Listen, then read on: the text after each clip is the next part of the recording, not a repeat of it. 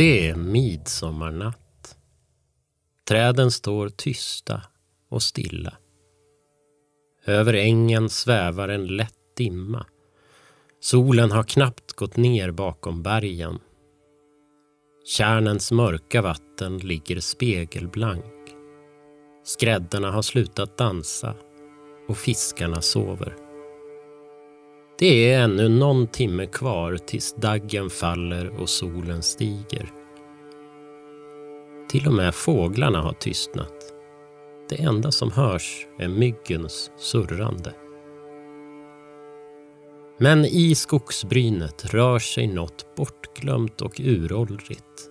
Något som våra förfäder hade ett namn för, men som vi sorterat bort ur vår verklighetsuppfattning.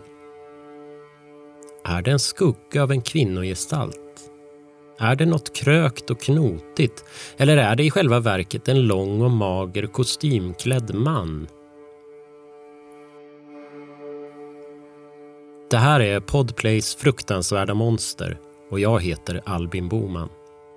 I natt följer vi ljudet av en avlägsen nyckelharpa som spelar långt inne i urskogens mörker och möter både traditionella nordiska väsen samt Slenderman och Getmannen. Om du inte kan få nog av monster kan du gratis ta del av vårt bonusmaterial i Podplay-appen. Välkomna till Fruktansvärda Monsters folktroavsnitt.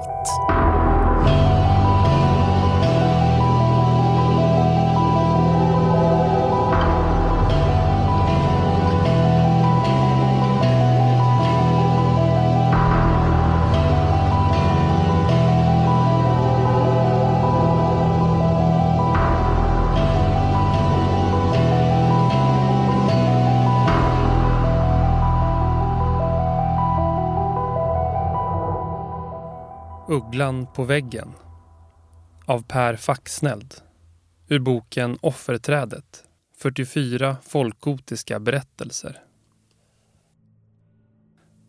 Det var en slaskig tödag i april 1839 som Måns Nordin frigavs från tukthuset i Östersund. Han hade varit där i exakt tio år. Tio år av slitsamt arbete från fem på morgonen till åtta på kvällen. Tanken var att slitet skulle verka uppbyggligt och främja moralisk korrektion hos fångarna. Till stöd för den saken sörjde även självaste statspredikanten för deras andliga tuktan. En gång hade Nordin arbetsvägrat och varit uppkäftig. Då fick han 14 dagar i totalmörker och isolering. Efter det var han inte riktigt densamme. Förr tyckte han om mörkret och begick många av sina illdåd i skydd av det. Nu tålde han det inte och blev darrig och orolig varje kväll när ljuset släcktes. Att mottas ut i blötsnön och vattenpölarna just då det började skymma kändes därför särledes illa. Måns hade en tremänning i Valnäs som han hade blivit lovad att få bo hos en tid. Hästskjutsen släppte av honom utanför gården strax före midnatt. Färden genom de mörka och nattdystra skogarna hade tärt på hans nerver. Tremänningen hette Petrus Norström och var en fåordig och lakonisk karl. Det var inte lönt för Måns att protestera när han blev anvisad sovplats i stallet. Trots att han hoppats få värma sig vid en brasa. På stallväggen satt en skjuten uggla uppspikad. Vilket han tyckte såg kusligt ut i skenet från stalllyktan. Strax insåg Måns att det inte var brasans värme han längtade mest efter, utan dess ljus. Och samvaro med andra människor. Men han ville inte visa sig besvärlig allt för snart och försökte bemästra panikkänslorna mörkret och tystnaden gav. Med bultan i hjärta la han sig till rätta på halmmadrassen och svepte sin rock och de lånta filtarna om sig. Han lät lyktan vara tänd på marken bredvid sig. Tankarna simmade runt i huvudet på honom. Hästarna skrapade oroligt med hovarna. Då erinrade han sig om varför folk i bygden spikade upp ugglor det var ju för att hindra att boskapen blev riden av maran. Ljuset i lyktan var nästan nedbrunnet. Frenetiskt började han leta runt efter ett nytt ljus. Ugglan på väggen såg ännu otäckare ut nu. Utan att tänka sig för slet han ner den. Ymnigt svärande över tremänningens vidskeplighet. Sedan såg han lite till över dennes snålhet. Än när han inte lämnat ett extra ljus någonstans. Just då lågan började vackla betänkligt syntes en tät skugga röra sig vid hästarnas spiltor. som om någon klättrade in. Så blev det helt svart i stallet. Något stötte emot Måns. Han famlade, fick fatt på en högaffel och stack omkring sig. Den trängde in i något och han hörde en kropp segna ner livlös. Han famlade igen. Herregud, det var en kvinna han haft ihjäl. En alldeles vanlig kvinna. Och hon bar på en bunt talgljus. En piga. Eller i värsta fall Petrus hustru. Hon hade väl tyckt sig kunna vägen så väl att hon inte behövde lysa sig fram. Åh, varför hade hon inte tagit en lykta med sig så han sett att hon inte var en mar eller annat otyg. Hästarna gnäggade och stampade. Måns ögon började vänja sig vid mörkret. Då urskilde han en gråsvart, naken och krumryggad kvinna som satt gränsle över en av hästarna. Hästen kastade med huvudet och sparkade bakut.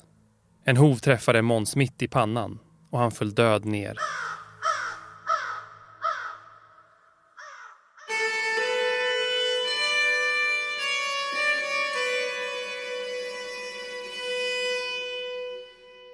Jag tror inte att det är så dumt att vara lite mörkrädd. Det är bara en, ett bevis på att ens fantasi är vid god kondition och, och att man är bra på att föreställa sig saker och, och sådär. Det här är Ingela Korsell, författare till bland annat Väsenologi. En faktabok om väsen i nordisk folktro som hon skrev med hjälp av Ulf Palmenfelt som är professor i etnologi vid Uppsala universitet. Vad är folktro enligt henne? Hur man föreställer sig världen, för att säga det väldigt kort. Hur man förklarar den, hur man förstår den. Hur man lever. Det är så jag, jag tänker att, att folktro är. Och folktro kan ju ha liksom olika funktioner. Det här med hur vi sprider berättelser för att förklara saker, varför saker är som de är. Påminna om viktiga saker, varna för saker. Men en stor del är ju också eh, underhållning. Det är inte helt lätt att definiera vad som är folktro och inte. Dels eftersom det finns olika uppfattningar och förklaringar kring begreppet, men också för att det är så föränderligt över tid. Men enkelt uttryckt kan man säga att folktro är människors föreställningar bortom religioner och naturvetenskap. Inom detta ryms bland annat berättelser och idéer om övernaturliga väsen, spådom, magi och folkmedicin. Dessa seder och bruk har traditionellt förts vidare från generation till generation. Men nu för tiden sprids folktro också via internet, men vi återkommer till det lite senare. Ingela Korsell har alltså skrivit tre böcker om olika väsen inom folktron. Vad tänker hon att dessa varelser och berättelser har fyllt för funktion? När jag skrev de här väsenologiböckerna, det, för det är ju inte så att jag själv tror på väsen. Eh, jag har mer ett så vetenskapligt eh, intresse. Etnologi, folklivsforskning. Alltså hur människor lever i vardagen och hur de gör och hur de tänker och föreställer sig världen. Och då var ju den drivande frågan för mig, det var precis det här. Varför finns det så mycket berättelser om väsen eller om spöken eller, eller vad, vad det nu kan bero på? Och, och då, ofta handlar det om underhållning. Och kanske idag mer än någonsin handlar det om, om underhållning. Skräck äckel, skräck och äckel. Eller också ren skräckunderhållning och som har tagits in i, i populärkulturen. Men också för att förklara saker. Varför den här stora jättestenen, förr i världen, varför det ligger en stor jättesten ute på åkern. Jo, men det är ju för att jättarna har kastat dit den och sådär. Och så, ja. Varna för saker.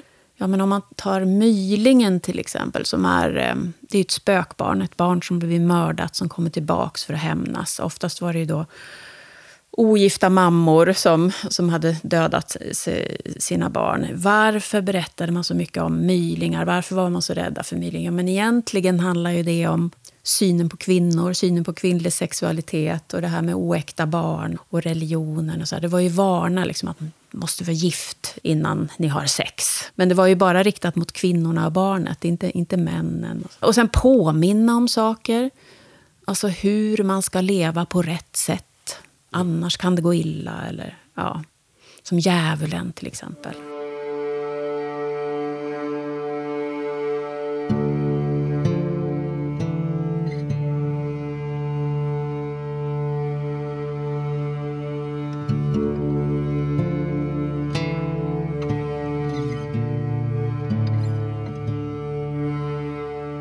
Djävulen var under bondesamhället egentligen det enda väsendet inom folktron som var hämtad från religionen. Rädslan för den lede kulminerade i Sverige under häxprocesserna på 1600-talet men levde vidare även senare tack vare en framgångsrik skrämselkampanj från kyrkan. Men folktron bestod till stor del av berättelser, seder, visor och föreställningar som levt kvar från det hedniska Sverige.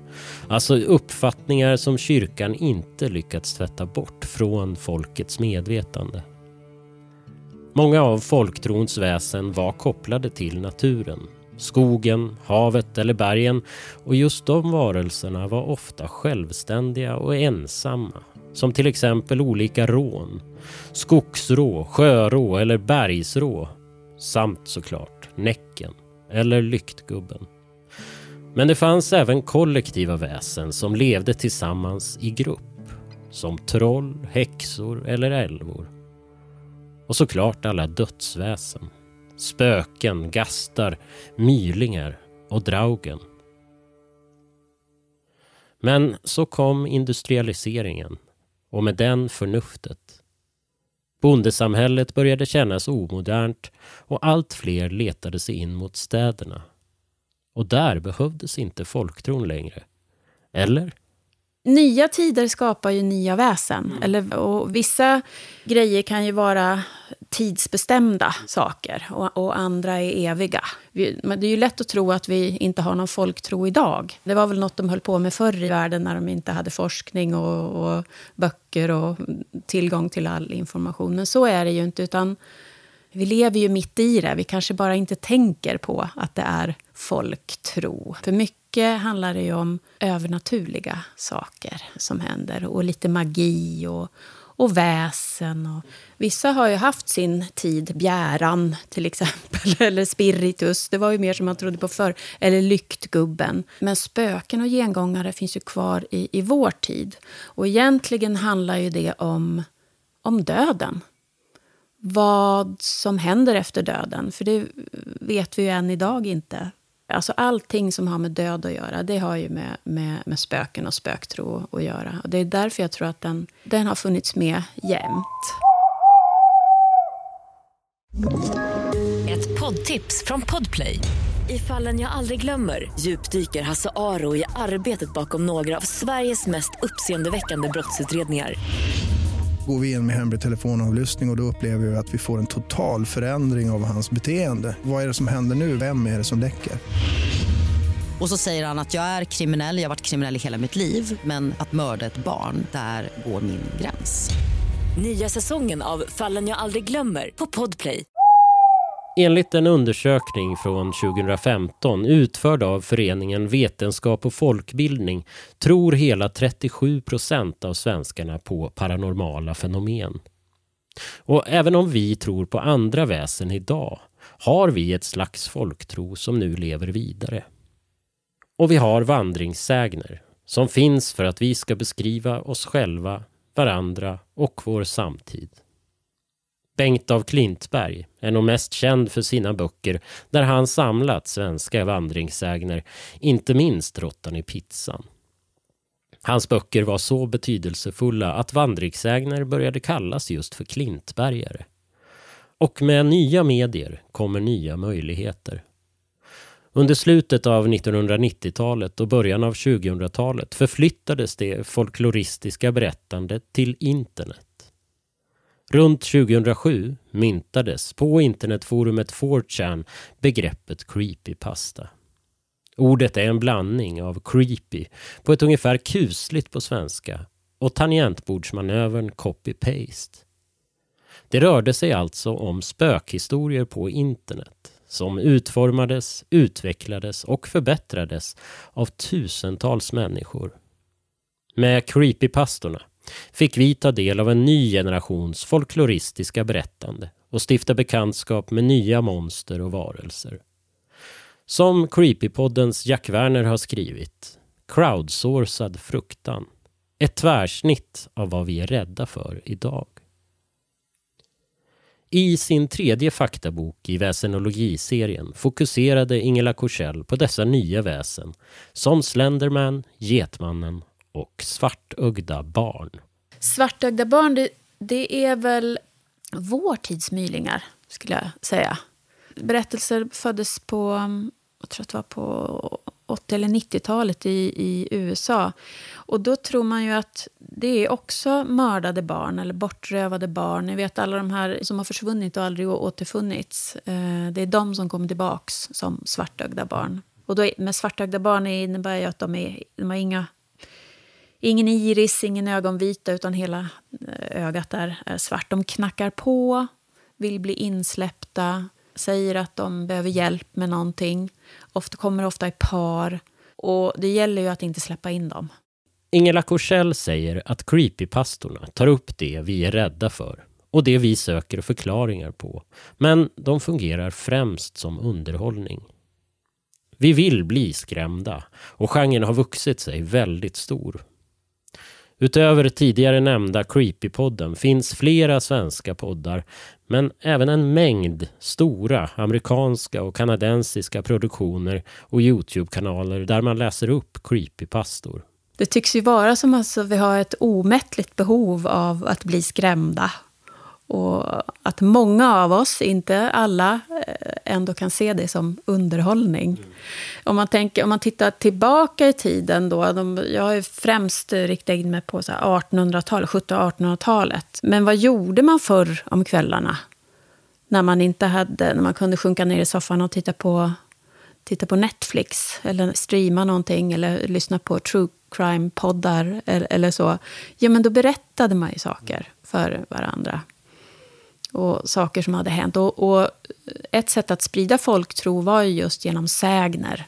Så de här creepypastorna, det är ju vår tids sägner.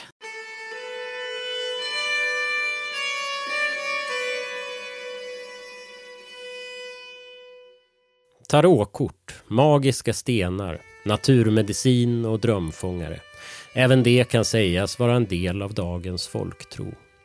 Men eh, nyandlighet har också blivit en miljardindustri där företag tjänar pengar på godtrogenhet och mer eller mindre obevisade påståenden om naturläkemedel, stjärntecken och superbär.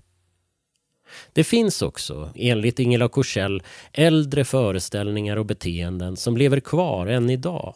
Som vi numera ofta kallar för skrock.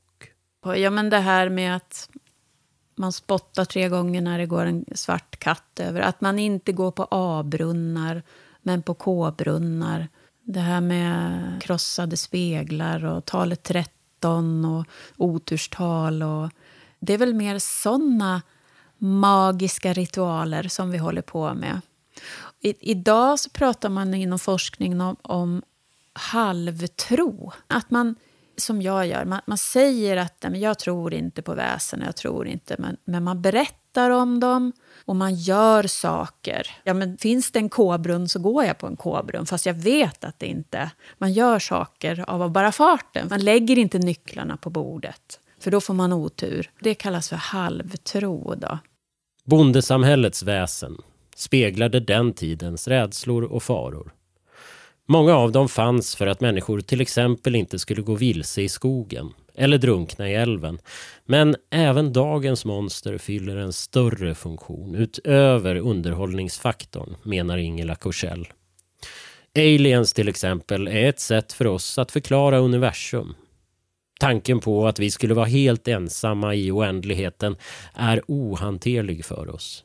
Då bygger vi hellre upp en föreställning om att utomjordingar finns och till och med att de har hälsat på här hos oss. Moderna väsen har, har de här gamla funktionerna också. Ja, men nu när jag är ute i skolor och på bibliotek och träffar tweenies eller så här, barn i, i mellanstadie och högstadieålder. Då, de, många har sett Godzilla, till exempel. Ja, men Godzilla föddes ju på 50-talet utanför Japan. Och, och har den tradition, det är ju ett atombombsmonster. Den är ju född under atombombstiden när man gjorde alla atombombningar. Och, ja, vad gjorde Godzilla? Ja, men han, han trampade sönder städer, han eh, sprutade radioaktivitet. Och det är ju som en påminna om vilken funktion alla fyller alla berättelser om, om Godzilla? Jo, men det är ju så här, vad, hur det kan bli när man använder vetenskapen på fel sätt. Det kan vara varna för far och klimathotet, så här, när det blir naturkatastrofer och, och sånt. Så det, det finns där i grunden, alla de här funktionerna, även i nya väsen. Men hur har dagens skräckfiktion påverkats av folktron? Ingela Korsell säger att skräcken idag egentligen bygger på samma funktioner och narrativ som den alltid har gjort. Vi vill bli skrämda, äcklade och utmanade. Det finns också en specifik subgenre inom skräckkultur som kallas för folkhorror som ofta utforskar våra hedniska rötter och utspelar sig i mörka skogars djup. Robin Hardys The Wicker Man från 1973 är en riktig klassiker. Men även Ari Asters Midsommar och Robert Eggers The Witch är värda att nämna. Den svenske skräckförfattaren John Ajvide Lindqvist har arbetat med flera olika element taget ur folktron. Som trollen i hans novell Gräns som också filmatiserades av Ali Abbasi. Eller spiritusen i romanen Människohamn en annan svensk skräckförfattare vars rötter grävt djupt ner i den nordiska folktron är Madeleine Beck. Hon har bland annat skrivit Vandrarna-trilogin bestående av böckerna Vattnet drar, Jorden vaknar och Berget offrar. De utspelar sig i bruksortsmiljö i Gästrikland och historien kretsar kring ett urgammalt förbund mellan människa och natur jag har en väldigt nära relation till folktro och eh, men, magiska sagor från förr, om man säger så. De är väldigt närvarande där jag växte upp då i Gästrikland, just där min Vandrarna-trilogi utspelar sig. Så jag har dragit mycket referenser och mycket idéer från sånt som jag hörde när jag växte upp. Det är inte bara folktro, det är också sånt som medier och man tror på spöken. Men man tror också på vättar och, och att det finns saker i skogen som man måste hålla sig vän med. I Vandrarna-trilogins första bok Vattnet drar deltar karaktären Viktor i en stöld av en värdefull madonnafigur i Ovansjö kyrka. Han hittar då en sten med en märkligt stark dragningskraft som han mitt under inbrottet lägger allt sitt fokus på. Stenen passar perfekt i hans hand och är alldeles varm det är då allt börjar. En uråldrig ondska väcks i Gästriklands skogar. Madeleine Bäck är själv uppvuxen i Storvik. Hon berättar att närheten till skogen, folktron och naturmusiken har haft en stark inverkan på henne. Alltså det har nog påverkat hela mitt liv eftersom jag valde att utbilda mig till biolog sen också. Och, eh, mycket på grund av den här nära relationen jag växte upp med, med skogen just. Mm. Att det finns, den är både trygg och farlig. Det som hon under sin uppväxt tyckte var fascinerande med de här historierna var att de berättade om ett annat skikt av verkligheten. Det hon såg i sin vardag kanske i själva verket inte var hela sanningen. Och de människorna som hon hade omkring sig kanske inte var de som de utgav sig för att vara. Tanken på att någon hon kände kunde vara en bortbyting. Alltså i själva verket inte en människa utan ett troll eller en elva var kittlande.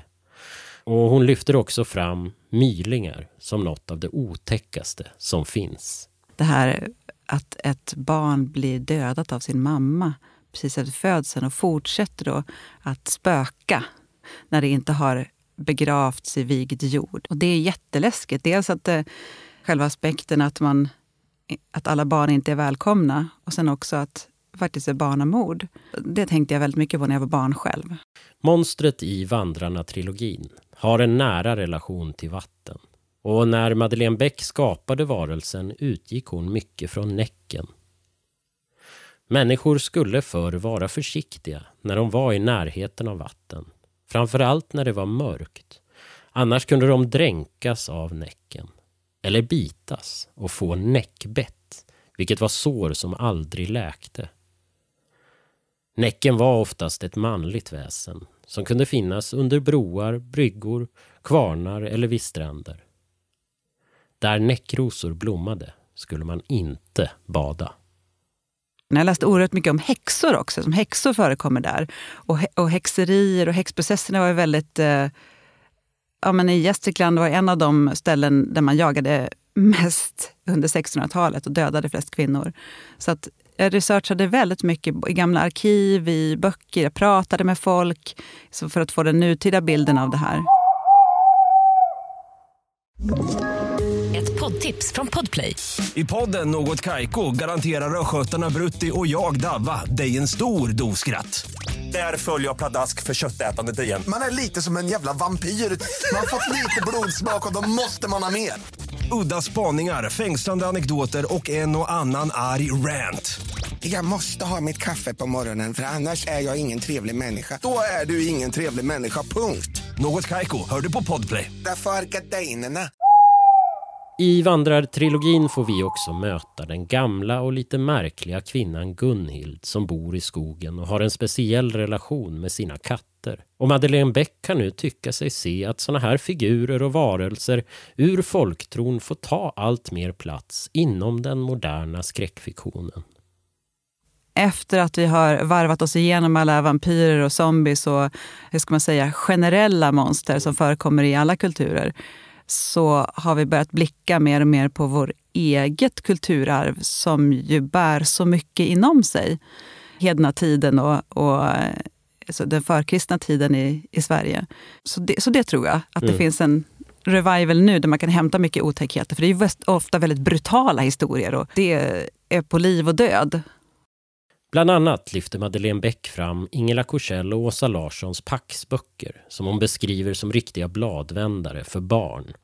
Men hon nämner också Ari Asters film Midsommar i vilken karaktären Danny, som nyligen drabbats av en stor sorg, följer med sin pojkvän Christian till den isolerade byn Horga i Hälsingland.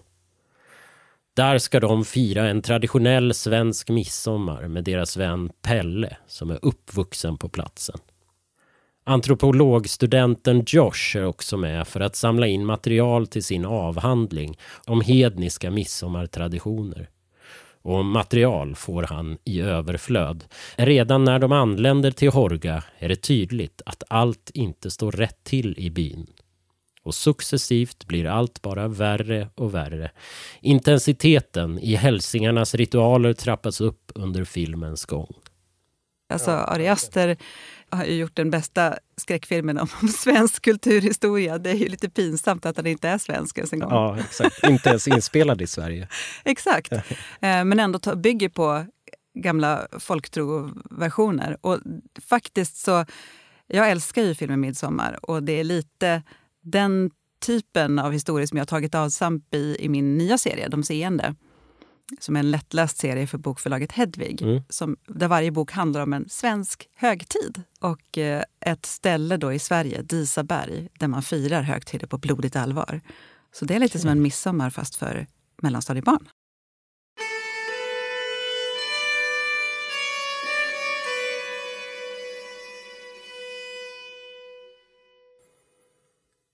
Det är fascinerande att läsa om de funktioner olika väsen hade inom den nordiska folktron. Skogsråt som förkroppsligade skogens lockelser och faror. Kvarngubben som både kunde hjälpa och förstöra för mjölnaren. De tjuvaktiga vättarna som bosatte sig under människornas hus och som man kunde skylla på om något försvann. Och kyrkogrimmen som var ett slags byggoffer. När en ny kyrka skulle byggas kunde man begrava ett levande djur, till exempel en hund, tupp eller bagge, under en av kyrkans hörnstenar. På så vis skapade man en kyrkogrim, ett fasansfullt odjur som vaktade området nattetid. Men om Madeleine Bäck ska nämna sina favoriter inom den nordiska folktron idag säger hon dock maran och Näcken. Jag har varit väldigt fascinerad av de här succubus, incubus myterna överlag i inte bara svensk folktro. Vad är det för någonting? Eh, ja, men att man tar och ger energi, att de lever av de levandes energi på olika sätt. Mm. Eller eh, livskraft. Som vampyrer är ju också en, en succubus, då, suger energi från, och blod då, från de levande. Mm. Och så funkar ju Näcken och Maran också. Uh, och ibland kan man ju tänka att det är samma monster. Att Näcken uh, är den som jagar dem på dagarna medan maran rider dem på nätterna. Och sen tar den ju också, måste jag ändå nämna, det tar ju avstamp i, i våra primala drifter, de här två monstren. Som att det finns ett erotiskt element i det som lockar. Och framförallt män då när det gäller maran. Att vi har ju på något sätt både tyckt om det men alltid varit rädda för de här drifterna också, människan. Och det här är ett sätt då att spegla det.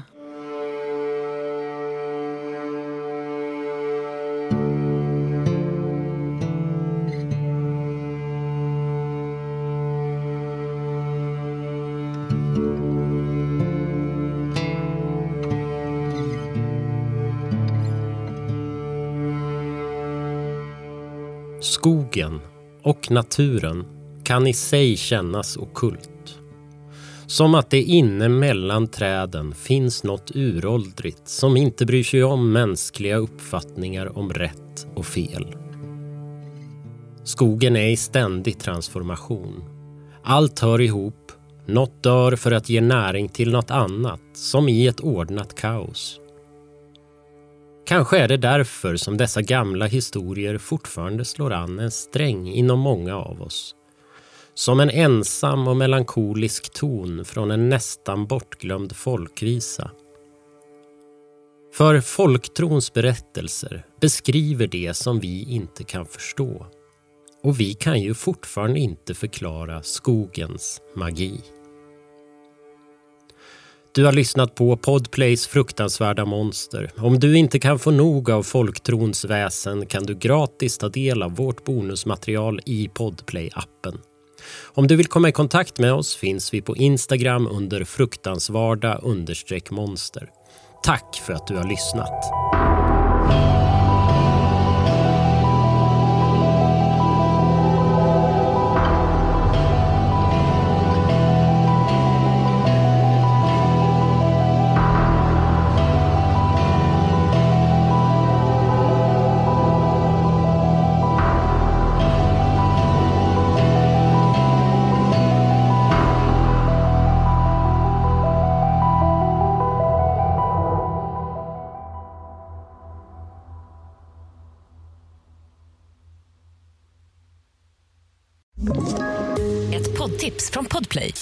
Podden Något Kaiko garanterar östgötarna Brutti och jag, Davva, dig en stor dos skratt. Där följer jag pladask för köttätandet igen. Man är lite som en jävla vampyr. Man har fått lite blodsmak och då måste man ha mer. Udda spaningar, fängslande anekdoter och en och annan arg rant. Jag måste ha mitt kaffe på morgonen för annars är jag ingen trevlig människa. Då är du ingen trevlig människa, punkt. Något Kaiko, hör du på podplay. Därför är gardinerna.